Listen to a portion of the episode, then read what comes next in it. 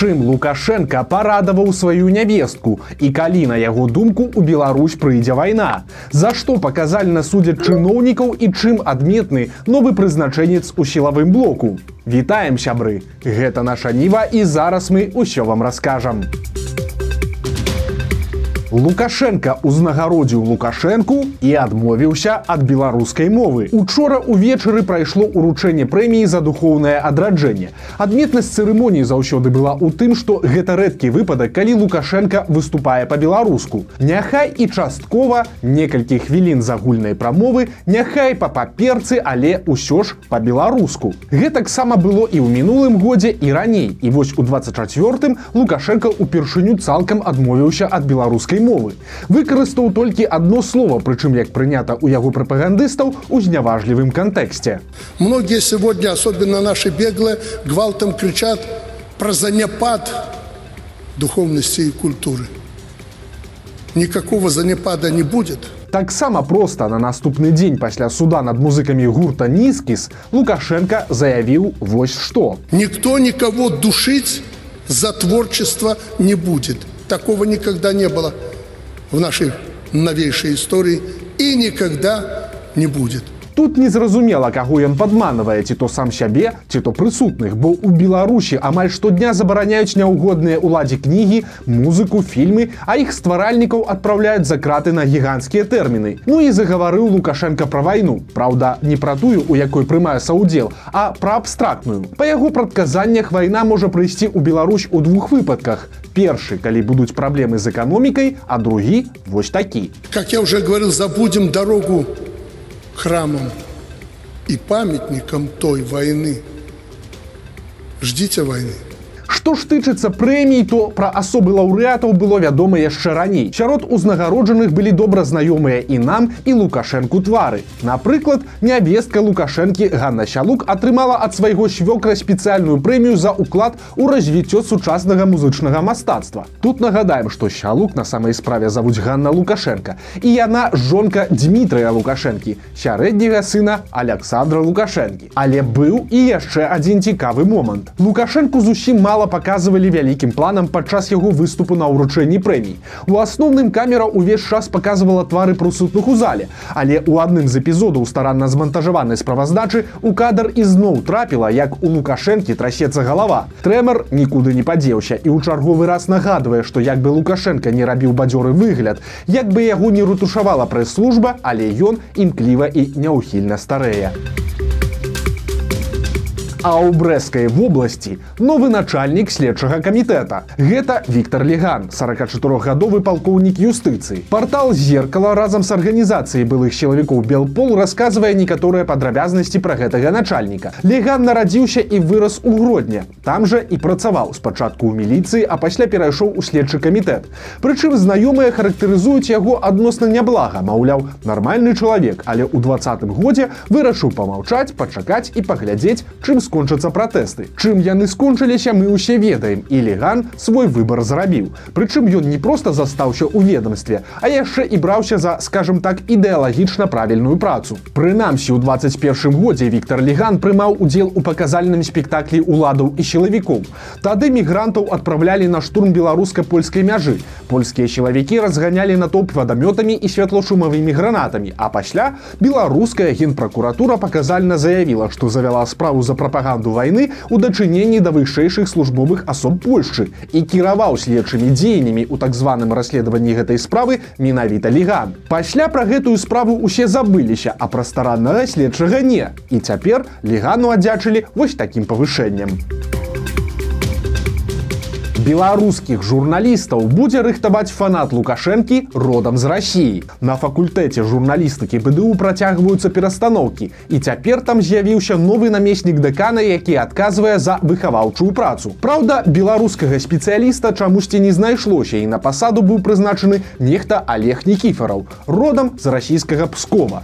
Ён гісторык па адукацыі і чарнасоценец па поглядах. Нікіфараў публічна падтрымлівае вайну і выступае за аб'яднанне ў ўсіх славян у вялікую русь. Само сабою фанацея ён і ад лукашэнкі. Нікіфараў асуджаў пратэсты два -го года а яшчэ да таго ухваляў стаўленне лукашэнкі да каранавіруса і выступаў супраць антыкавідных абмежаванняў. Карацей сапраўдны флеш-раяль антываксер пуцініст лукашыст і расійскі імперац. Вось такі персанаж цяпер будзе займацца выхаваннем будучых беларускіх журналістаў. у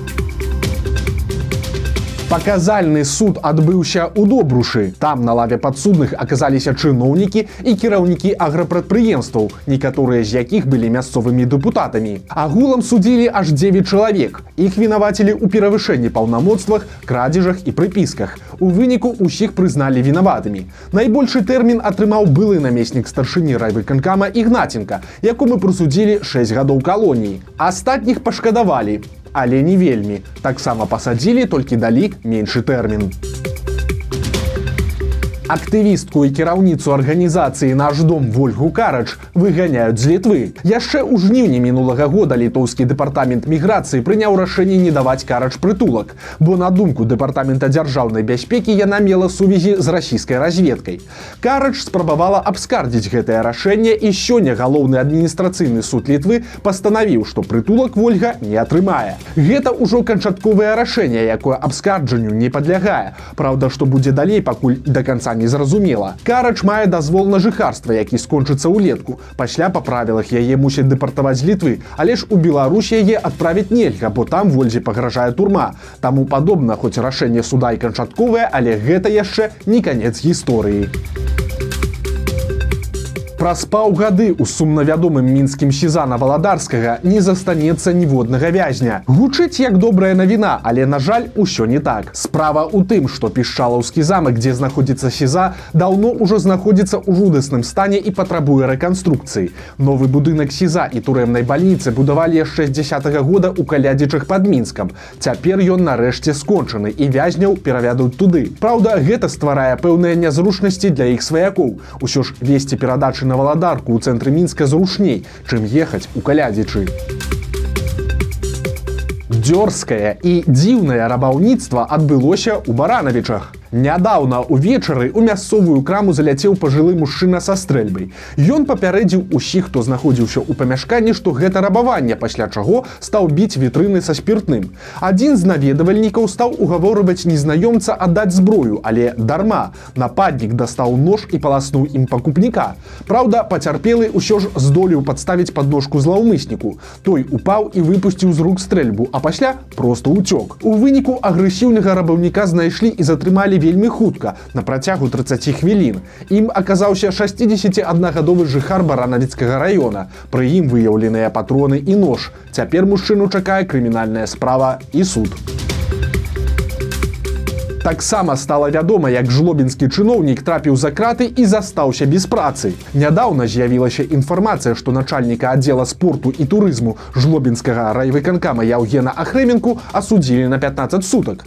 Аказалася што чыноўнік паставіў лайк под публікацыяй ресурса які улады лічаць экстрэміскім далей усё было па стандартнай схеме. Ахрэменку затрымалі судзілі і далі яму 15 сутак арышту а таксама канфіскавалі тэлефон з якога чыноўнік паставіў той самы лайк. Таксама вядома, што Ахрэменку ўжо звольнілі з пасады. Усе яго ўзнагароды, граматы і ідэалагічна правільныя допісы ў садсетках ніяк не выратавалі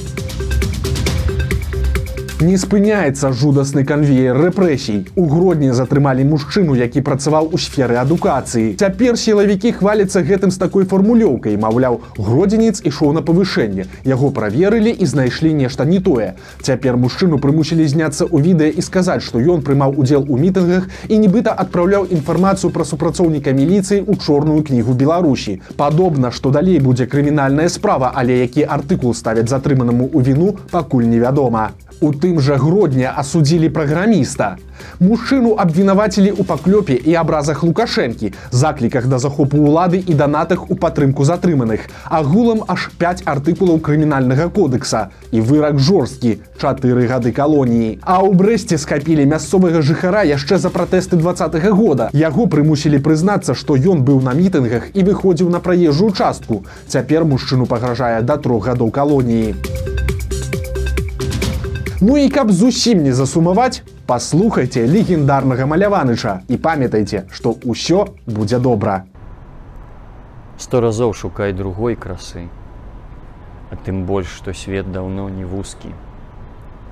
Ды калі ты не бязродны сын, гавары са мной па-беларуску. Час вар'ят, шалёнае таксі, толькі ўсё ж не думаю аб спуску. Кажаш, што магілы зараслі. Памаўчы са мной па-беларуску. Гэты верш Евгений Янішчыц хіба адзін з самых моцных.